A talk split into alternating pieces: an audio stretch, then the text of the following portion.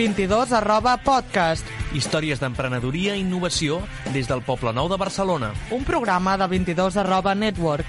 Presenta Antoni Oliva. Benvingudes i benvinguts. Avui és l'últim programa que fem amb entrevista.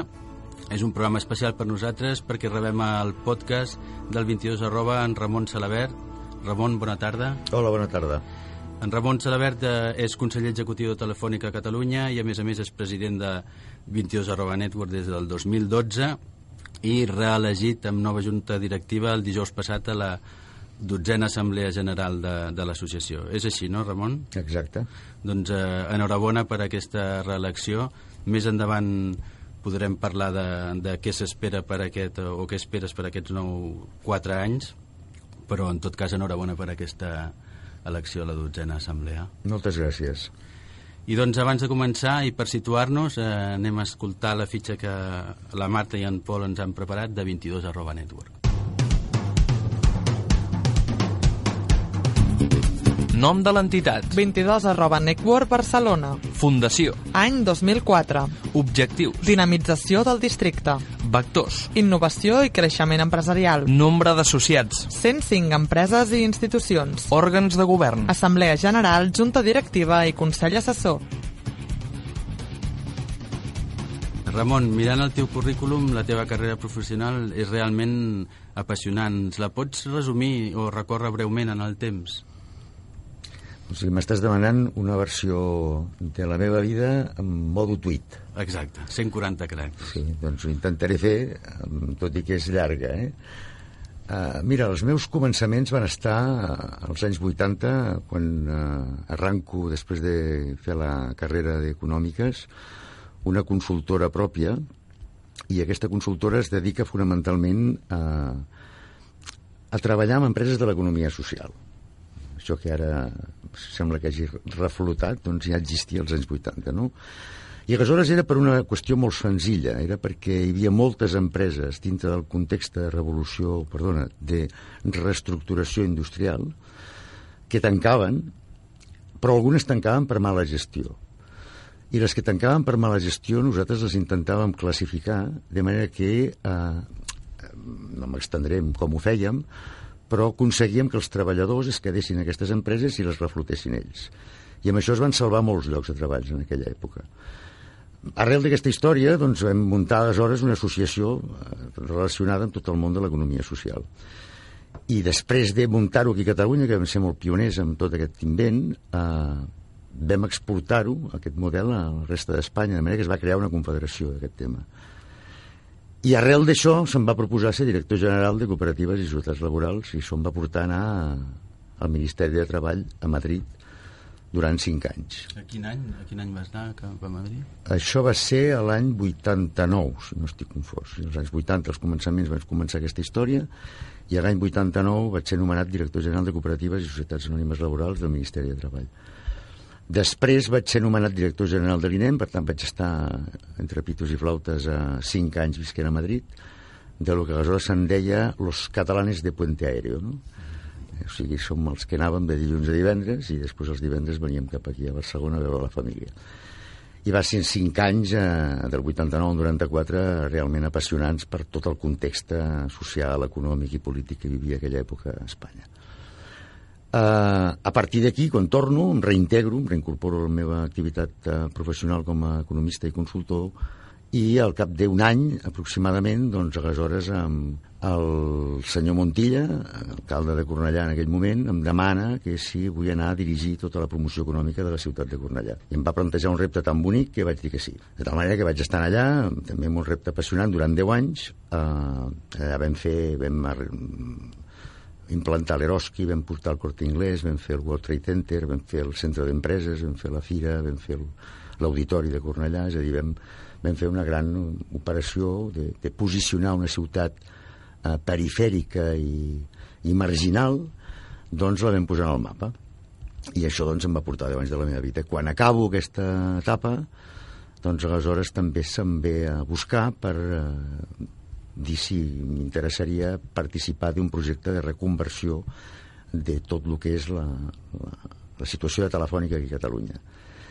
i em va semblar també un repte apassionant i això ja fa 12 anys que estic eh, vinculat i també he tingut el privilegi de fer coses com portar la seu de Telefònica aquí al costat del fòrum o construir, construir la, la Universitat Corporativa de Telefònica a la Roca del Vallès.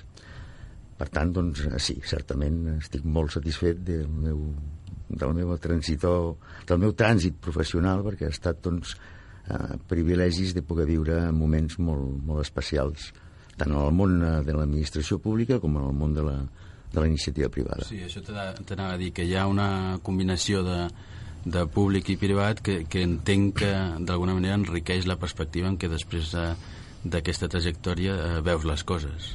Absolutament, jo crec que mm, tot el que he pogut eh, viure en els, entre una cosa i l'altra, 10 anys, 15 anys al sector públic, com a gestor de coses en el sector públic, i els gairebé doncs, 25 anys en el sector privat doncs, eh, fa que possiblement jo entengui més les coses que estan passant ara que molta gent que tan sols ha estat en el públic o tan sols ha estat en el privat. Jo crec que eh, al final l'harmonia dels dos sectors està condenada a entendre'ns i si no és així doncs eh, tindrem problemes tant al públic com al privat. Molt bé, passem a una segona fase, eh, que és ja eh, centrant-nos en la teva etapa al voltant de 22 arroba i la primera pregunta és obligada. Quan i com descobreixes el, el 22 arroba com a districte? Doncs mira, el vaig conèixer molt al començament perquè el 2004 és quan a mi em fan la proposta per entrar com a executiu a Telefònica i justament el 2004 és quan comença a mobilitzar-se una mica tot el tema del, del districte. Jo recordo haver fet diverses visites en el Miquel Barceló quan estava el 22 arroba de l'Ajuntament de Barcelona a Roc Boronat, si no estic confós, i sempre ho recordaré com a fer visites a Beirut, no? perquè jo aparcava el cotxe damunt de, de, de, de bonys de terra i havia de fer doncs, unes maniobres molt, molt complicades per accedir. Amb, amb 4x4, no? Pràcticament. Quasi bé, quasi bé. Era lo aconsellable, era lo aconsellable. Jo no venia amb 4x4, però lo aconsellable era això, no? Per tant, doncs aleshores vaig entrar en contacte no només amb la situació que en aquells moments tenia el districte, que era una absoluta eh, transformació brutal en termes d'obra pública, d'infraestructura, de canalització, de fibra per tot el districte, etc. Però també vaig poder tenir eh, el coneixement de primera mà eh, d'un mestre com el, com el Miquel Barceló eh, de veure el projecte que hi havia darrere, no? de tot el que s'estava dissenyant i tot el que eh, es volia aconseguir amb la transformació d'aquest districte. I això també també va ser un altre privilegi, perquè després no només vaig tenir la informació de primera mà en aquells moments, sinó que he tingut el privilegi de veure-ho acabat. I això, doncs, m'ha donat eh, veure, m'ha donat entendre que moltes coses que a vegades gent no valora doncs no són fruit de la improvisació sinó del treball de, de molta gent. I aquí va ser el, el meu primer coneixement, el meu primer contacte amb el 22 Roba. I per què? Doncs perquè un dels encàrrecs que jo tenia des de, des de l'àrea de telefònica era buscar eh, un lloc per implantar la nova seu corporativa de Telefònica Catalunya. I tots vam considerar que possiblement el lloc més adequat, donat el disseny de futur que s'estava eh, preveient en aquest districte és que una companyia tecnològica i capdavantera com Telefònica doncs, estigués radicada en aquí. I així va ser com vam començar les primeres converses per després progressivament doncs, portar a Torre Telefònica on avui està, al costat de, del fòrum. Com et trobes amb la, amb la 22 Hora Network? Com, com la coneixes o com arribes a, a, a parar a 22 Hora Network? Bueno, doncs això, eh, uns anys després, he estat dient que el 2004 vaig tenir el primer contacte, però el 2011, després de tot el procés nostre ja i de com van les coses, el 2011 és quan Telefònica, el febrer, si no estic confós, del 2011, es trasllada oficialment en el districte. Uh, a l'antic, el meu predecessor, Josep Maria Vilà, que era el president aleshores de l'associació 22 arroba Network, que ja existia, perquè nosaltres vam arribar, diguéssim, a la fase final, o sigui, ja el 22 arroba ja tenia anys de, de funcionament organitzat i, per tant, el 2005 o 2006 es va crear ja l'associació, no? El 2004 es va crear l'associació, per tant, eh, el 2011 ens venen a veure, en ve veure el Josep Maria Vilà, i si no mal no recordo, tu també, ens veniu a veure per dir, home, Telefònica ha aterrat aquí al districte, eh, creiem que Telefònica hauria de participar i ser sòcia d'una associació que doncs d'alguna manera intenta vincular totes les grans empreses del districte. I nosaltres vam entendre que això era doncs, bo i a més a més era una política de bon veïnatge i que a més a més doncs, Telefònica havia d'empatitzar amb el lloc on anava a instal·lar la seva seu corporativa i de seguida doncs, vam acceptar la proposta i ens vam fer socis de, de l'associació i aquest va ser el primer contacte eh, que vaig tenir amb l'associació. I d'aquí a, la, a la presidència, com es dona aquest, el 2011 aterreu aquí, jo si no recordo malament també és el propi 2011 que es feu, 2010 o 2011 que, es, que us associeu a l'associació. La, sí, el 2011, el mateix 2011 va ser. I l'any següent, el 2012, que hi ha eleccions a la Junta Directiva, telefònica eh, i tu com a representant opteu en una plaça de Junta Directiva i eh, ets nomenat president. Com arribes a aquesta presidència?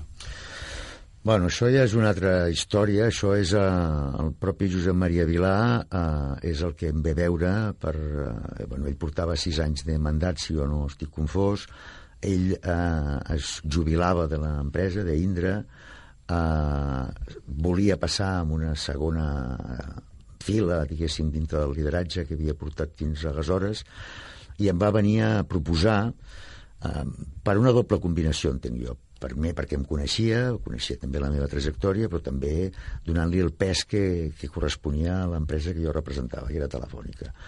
I aleshores em va suggerir que si ell deixava de ser president, si el lideratge d'aquesta associació doncs, el podia portar Telefònica i en representació de Telefònica jo, perquè ell considerava que ara l'impuls que es havia de donar no era tant un impuls des de la vessant urbanística o des de la vessant de, de la, del funcionament, diguéssim, de coordinació de cohesió d'empreses del districte, sinó posar-li capes eh, de lideratge tecnològic començar a parlar doncs, dels temes que hem començat a parlar darrerament, de transformació digital, d'ecosistema, d'ajut i eh, impuls de l'emprenedoria. Bé, i aquest repte, de primeres, doncs, home, a mi em va semblar molt agosarat, perquè doncs, jo, Telefònica, diguéssim, era una, una empresa que era de les últimes amb, amb, amb haver-se associat, no volíem generar cap tipus de conflicte, l'únic que vaig demanar és que, bueno, que per, per nostra, jo consultaria com és natural a la direcció de Telefònica, però que eh, hi hagués consens per part de tothom. Ell em va garantitzar que això sí seria, i així va ser, ho va parlar amb les diferents empreses, les diferents empreses ho van considerar que això era doncs, una bona idea, i així es va, ho va proposar ell a l'assemblea de l'associació, l'assemblea de l'associació li va semblar bé, i a partir d'aquí doncs, vaig assumir jo la presidència del 22 arroba network i la veritat, primer no sabia exactament ben bé on anava, però ara, després de quatre anys, doncs n'estic molt satisfet d'haver pres aquella decisió i molt agraït en el Josep Maria Vilada que em proposés i m'insistís en que acceptés aquesta, aquesta proposta. Uh, Ramon, què és avui el 22 arroba? Bueno, avui el 22 arroba és la culminació d'un disseny molt ben fet, però és la culminació d'un disseny que encara no dona els fruits que hauria de donar. És a dir, quan a l'MIT i a Boston dissenyen un ecosistema, dissenyen tot un entramat en el que en l'entorn universitari, l'entorn dels investigadors, les grans empreses, l'entorn públic, doncs faciliten la creació d'activitat econòmica, la implantació d'empreses i la generació de llocs de treball amb talent i, a més a més, amb, amb, amb propostes reals de valor afegit. No? I ho poden medir. Escolti, han passat 25 anys i nosaltres hem creat 10.000 empreses. Doncs jo crec que el districte 22 arroba ha d'assumir aquest rol amb totes les eh, modèsties que podem incorporar a la nostra estructura, a la nostra cultura, a, les nostres, a la nostra escala, a la nostra dimensió, però els vectors són els mateixos. Perquè els vectors algú es va encarregar de proveir que fossin així. És a dir, aquí tenim universitats molt bones, aquí estem amb una d'elles, que per cert eh, el seu director de l'Escola d'Enginyers és membre de la Junta Directiva, el senyor Enric Peig, eh, tenim centres d'investigació molt potents, tenim emprenedors molt potents, tenim grans empreses tecnològiques i el conjunt d'aquests vectors estan i són membres de l'associació, però no hem sapigut encara trobar aquest desllorigador que ho converteixi amb un ecosistema que li doni aquesta metodologia perquè jo em pugui presentar un dia dient aquest any, a través de l'associació i amb tots els agents col·laboradors, hem creat 50 empreses amb tants llocs de treball, amb tant talent i amb tantes iniciatives. I aquesta és la línia de treball que jo crec que hem de reforçar perquè es pot fer. I, i dintre d'aquesta línia de treball i dintre d'aquesta estratègia, quin és el paper de l'associació, de l'associació, perdó, de l'administració la, i, quin, i quina és la relació de l'associació amb l'administració, la, eh, parlo a nivell local, la municipal, la, la, i aprofitant aquest canvi de govern eh, eh, que ha corregut aquests dies amb l'actual, és a dir, quina és la relació, perquè entenc que han de seguir jugant un paper significatiu amb aquest, amb aquest enquadrament.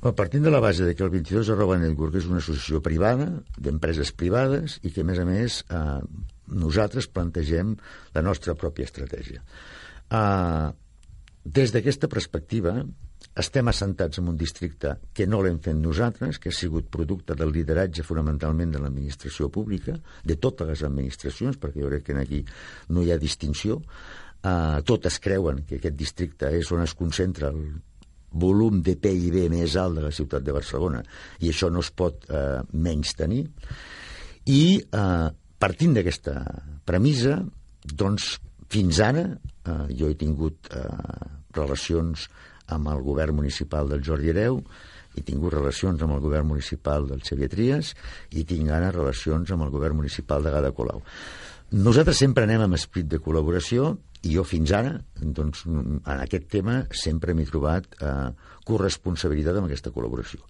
I diré més, el districte 22 de Roba aconseguirà els objectius que vol, no només individualment, empreses, empreses, emprenedors, emprenedors, universitats, universitats per separat, ho aconseguiran si hi ha una cooperació de lideratge públic-privat. Jo crec que el relat de projectar que Barcelona té un centre d'innovació potent a la ciutat i que no només és reconeguda com a turisme o com a plaça firal, sinó també com una ciutat emprenedora amb tecnologia, emprenedora amb transformació digital, amb digitalització, emprenedora amb innovació, i generadora d'un ecosistema d'empreses d'aquestes característiques, doncs això eh, només serà possible des de la, des de la cooperació públic-privada, que fins ara haig de dir que s'està aconseguint i s'està portant molt bé. Jo, Ramon, tenia una pregunta per tu. Ara que comentaves la concentració del, del PIB que acumula el districte del, del Poble Nou, quina és la... Hi ha possibilitat de coexistència entre tota aquesta quantitat de grans empreses que estan arribant amb, amb el teixit veïnal que hi havia anteriorment i que segueix havent-hi al Poble Nou. T'ho pregunto perquè ja veus el, el, el barri no? I, el, i el districte del Poble Nou que certes pors, m'imagino, i es pot notar doncs, que tot aquest gruix empresarial als grans edificis doncs, s'acabin doncs, menjant el, el que vindria a ser el, el barri històric. Hi ha possibilitat, mm, per tant, de, de coexistència entre aquestes do, dues realitats? Mira, això eh, ho va tenir en compte l'administració quan va dissenyar el pla. Després és cert que als inicis hi va haver-hi molt rebuig per part del resident, diguéssim, històric del Poble Nou, perquè és natural, els canvis sempre generen eh, neguit. No? En aquests moments t'haig de dir que els primers interessats som nosaltres, és a dir, les empreses, perquè aquestes empreses han portat eh, en el seu conjunt 100.000 treballadors en aquesta àrea. D'aquests 100.000 treballadors, el 60%, tinc entès, ja resideixen en aquí.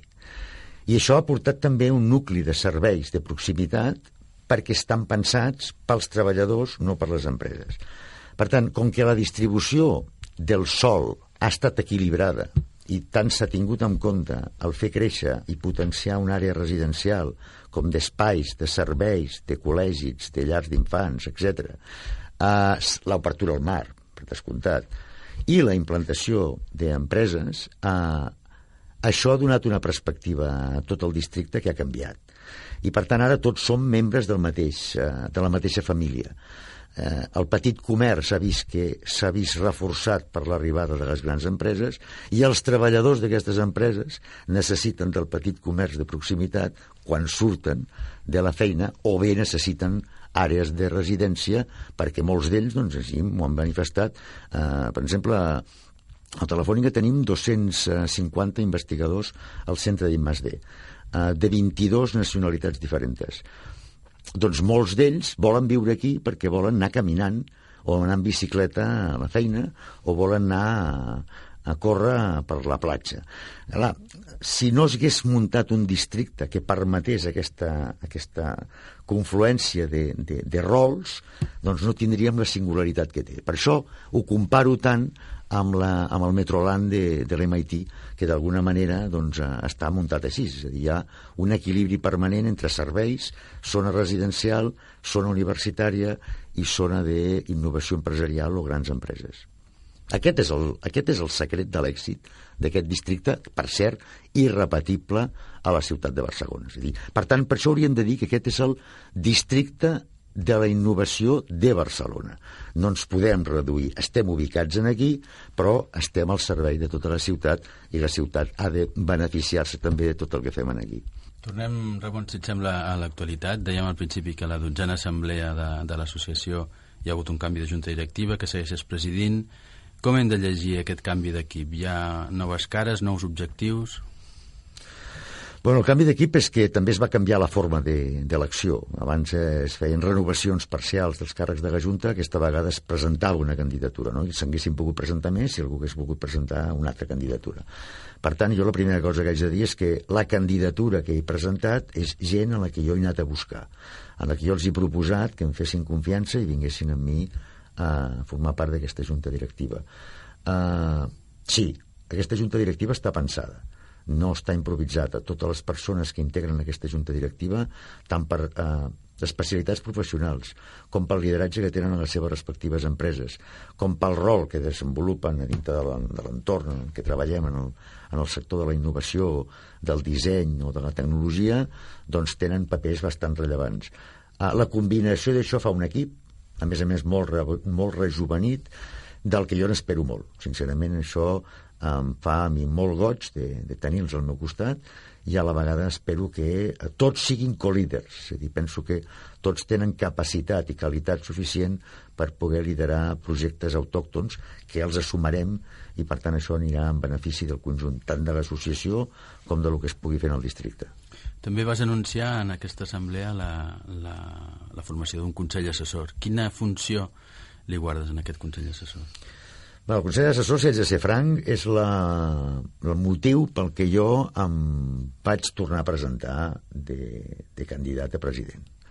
Uh, jo, veient al final del meu primer mandat, considerava que, uh, com se sol dir vulgarment, teníamos demasiado arroz para tan poco pollo. No? És a dir, teníem aquí moltes coses, però els resultats que sortien no eren els que jo ambicionava, ni els que jo ambiciono. I amb això vaig eh, considerar que necessitava recolzament potent. I vaig obrir un període de 40 entrevistes a CEOs i directors generals de les empreses més rellevants del districte, fossin o no fossin associades, i a tots els hi vaig anar plantejant el mateix. Escolta, eh, vosaltres creieu convenient que segueixi existint l'associació 22 arroba? Bueno, després de tenir un canvi d'impressions, tothom acaba dient, home, si no la tinguéssim segurament ens l'hauríem d'inventar. Doncs molt bé, si ens l'hauríem d'inventar, per què no t'hi impliques més? Per què no fem més pinya? Per què no eh, tots juguem a que això realment ens creguem que pot ser quelcom que pugui créixer, que pugui dimensionar-se amb clau de ciutat, però també amb clau de eh, facilitador de, de negoci i d'activitat econòmica. Com que tots tenen moltes ocupacions, agendes molt severes, Bueno, doncs aleshores els hi vaig suggerir que no estiguessin en una junta directiva o en un comitè executiu, que és més, més, més esclau, però que sí podrien fer un consell assessor en el que jo els hi encarregava, ens encarregàvem tots plegats, de fer el disseny estratègic dels propers 10 anys del 22 arroba. I per això s'ha creat un consell assessor que la seva funció principal és eh, treballar sobre eh, l'estratègia del 22 arroba en els propers 10 anys. I això és el que crec que hem de fer, de veure doncs, tots els espais de la zona nord de, del barri que encara són solars o són naus que encara no estan definides, veure com el relat que va iniciar-se el 2004 no es trenca, que es continua amb la mateixa filosofia, que nosaltres hem de ser els primers que hem de vetllar per aquesta filosofia i que, a més a més, hem de convèncer o hem de conciliar amb l'administració a fer-ho plegats.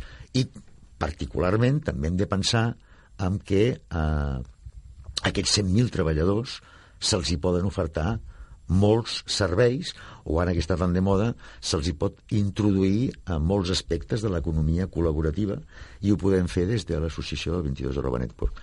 I amb això jo necessito, doncs, eh, pues això, un equip de 20, 25 CEOs, directors generals, gent que, que tenen un pes molt eh, significatiu a les seves empreses perquè apostin per això i cadascú, en la mesura que pugui, doncs aporti propostes d'iniciativa i de servei que puguin millorar el conjunt de, del funcionament del districte, de les empreses, dels emprenedors i dels treballadors que estan en aquestes empreses. Sí, que és una mica com a mesura de la... és una mesura de la implicació d'aquestes empreses amb el districte en primer lloc, però després en segon lloc els estàs plantejant també un, un win-win, no? És a dir, que participin amb l'estratègia del seu entorn territorial i, i, i del seu ecosistema, que també acabaran fabricant, i, i, i així es fer un win-win en què tots hi sortirem guanyant. Aquesta és una mica la Bueno, és que una de les funcions que ha de tenir el districte, però també l'associació, és generar riquesa i generar ocupació. És a dir, jo seria feliç si a, a les convencions anuals l'única frase que pogués dir aquest any hem creat 200 llocs de treball, aquest any hem creat 1.000 llocs de treball amb àrees tecnològicament punteres. És a dir, llocs de treball que a la seva vegada són garantia de generació de valor afegit addicional. Uh, ara s'està fent, hi han creacions de llocs de treball, però són perquè surten bé les coses i perquè hi ha molt talent aquí. Ara imagineu-vos si aquest talent el posem a dintre d'una metodologia de funcionament. És a dir, que hi ha una fàbrica de talent, és la universitat. Bueno, si, si jo em poso aquí a la porta de la universitat i els vaig agafant i els vaig canalitzant i els vaig conduint, segur que l'efecte multiplicador és molt més gran si quan surten s'han de buscar la vida.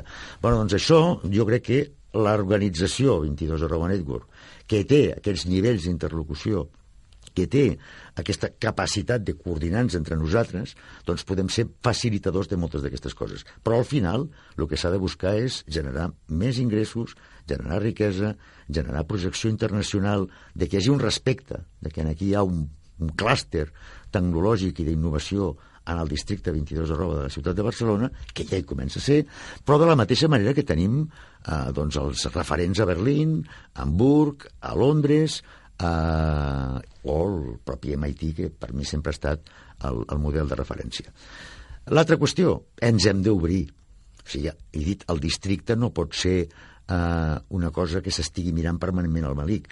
S'ha de separar el que és la capacitat del districte com a capacitat d'innovació, i per exemple Barcelona Tech City, que està a Portal del Mar i no està al 22 arroba, ha de participar d'aquest model d'innovació. Perquè una cosa és els residents i els problemes de districte, una altra cosa és l'epicentre d'innovació, el think tank d'innovació que hi ha aquí, que l'hem d'exportar i l'hem de sumar en el conjunt de la ciutat, per lo que he dit abans, perquè el districte, com a concepció, és irrepetible a qualsevol dels districtes de la ciutat. Tot i que a Gràcia hi ha coworkers, però hi ha coworkers que poden estar vinculats, encara que estiguin fent coses a Gràcia, amb les coses que s'estan fent aquí. Això, jo que, això és el que jo no vull que es perdi. És a dir, que no hi hagi tant llanero solitari i que tothom formi part d'una gran família. I per això hi ha d'haver-hi un epicentre. I aquest, aquest epicentre jo entenc que és el districte i, per eh, definició, l'associació 22 Roba Network. Eh, arribem ja al final de l'entrevista, però m'agradaria que ens diguessis de manera molt, molt, molt breu, molt ràpida, tres desitjos pel futur immediat de 22 arroba network. Mira, el primer seria, que és la, la meva obsessió, i tot el que he fet fins ara, i la meva candidatura i la renovació, és realment metodologitzar l'ecosistema. És a dir, els vectors aquests no poden continuar treballant sueltos. Hem, hem de trobar entre tots plegats l'algoritme que els lligui i que els lligui de manera metodològica. És a dir, que la gent sàpiga que entra per una porta, passa per uns circuits i surt per un altre amb el traje planxat. Això ho hem d'aconseguir. I ho farem. Ho farem perquè el talent que tinc al costat i els CEOs que hi ha a darrere i les empreses que ho acompanyen i tothom ha entès l'interès que per tothom representa això, estic segur que ho farem. La segona qüestió seria doncs, abordar de forma molt definida o molt decidida que nosaltres hem de ser els líders pedagògics de la transformació digital. Jo crec que aquí nosaltres el que hem de fer com a missió és popularitzar la transformació digital. I la tercera seria, home, que tot això tingués una valoració i un lideratge per part de la ciutat de Barcelona, de manera que això ens posicionés com un valor afegit eh, de Barcelona com a tribut i doncs continuéssim mantenint el pes internacional i de projecció internacional que tant Europa com Amèrica Llatina, de moment, en l'àrea del 22 arroba estem mantinguent. Molt bé, doncs escolta Ramon, fins aquí, fins aquí l'entrevista. Moltíssimes gràcies, eh, moltes felicitats per la teva reelecció com a president i et desitgem molts èxits en aquest eh, nou mandat de, de 4 anys. Jo ho agraeixo i, a més a més, demano des d'aquí que tota la gent que m'acompanya i els que encara no m'acompanyen perquè encara no tenen coneixement, doncs ens creguem que tot el que he dit és realment possible amb molt poc esforç, perquè la feina més gruixuda de lo que era transformar aquest districte, que podria haver estat a dia d'avui al Bronx de Barcelona, sigui la primera potència del disseny, de la innovació i de la tecnologia a la ciutat de Barcelona. Eh, gràcies, Ramon, com deia, per acompanyar-nos avui als estudis de la Universitat Pompeu Fabra. Fins aquí ens ha portat el 9è 22 arroba podcast. Eh, I com sempre, moltes gràcies a l'equip tècnic del programa, ja que sense ells i elles res d'això no seria possible. I per descomptat, gràcies també a vosaltres, els oients. Aquest ha estat l'últim eh, podcast de la temporada. D'aquí 15 dies sí que tindreu una recopilació dels millors talls del programa i ens tornarem a veure la propera temporada.